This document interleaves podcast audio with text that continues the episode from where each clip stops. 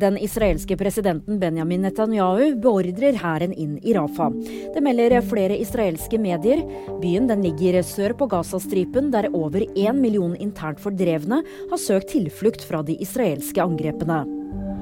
Så hjem igjen. Sandra Borch har fått ny rolle.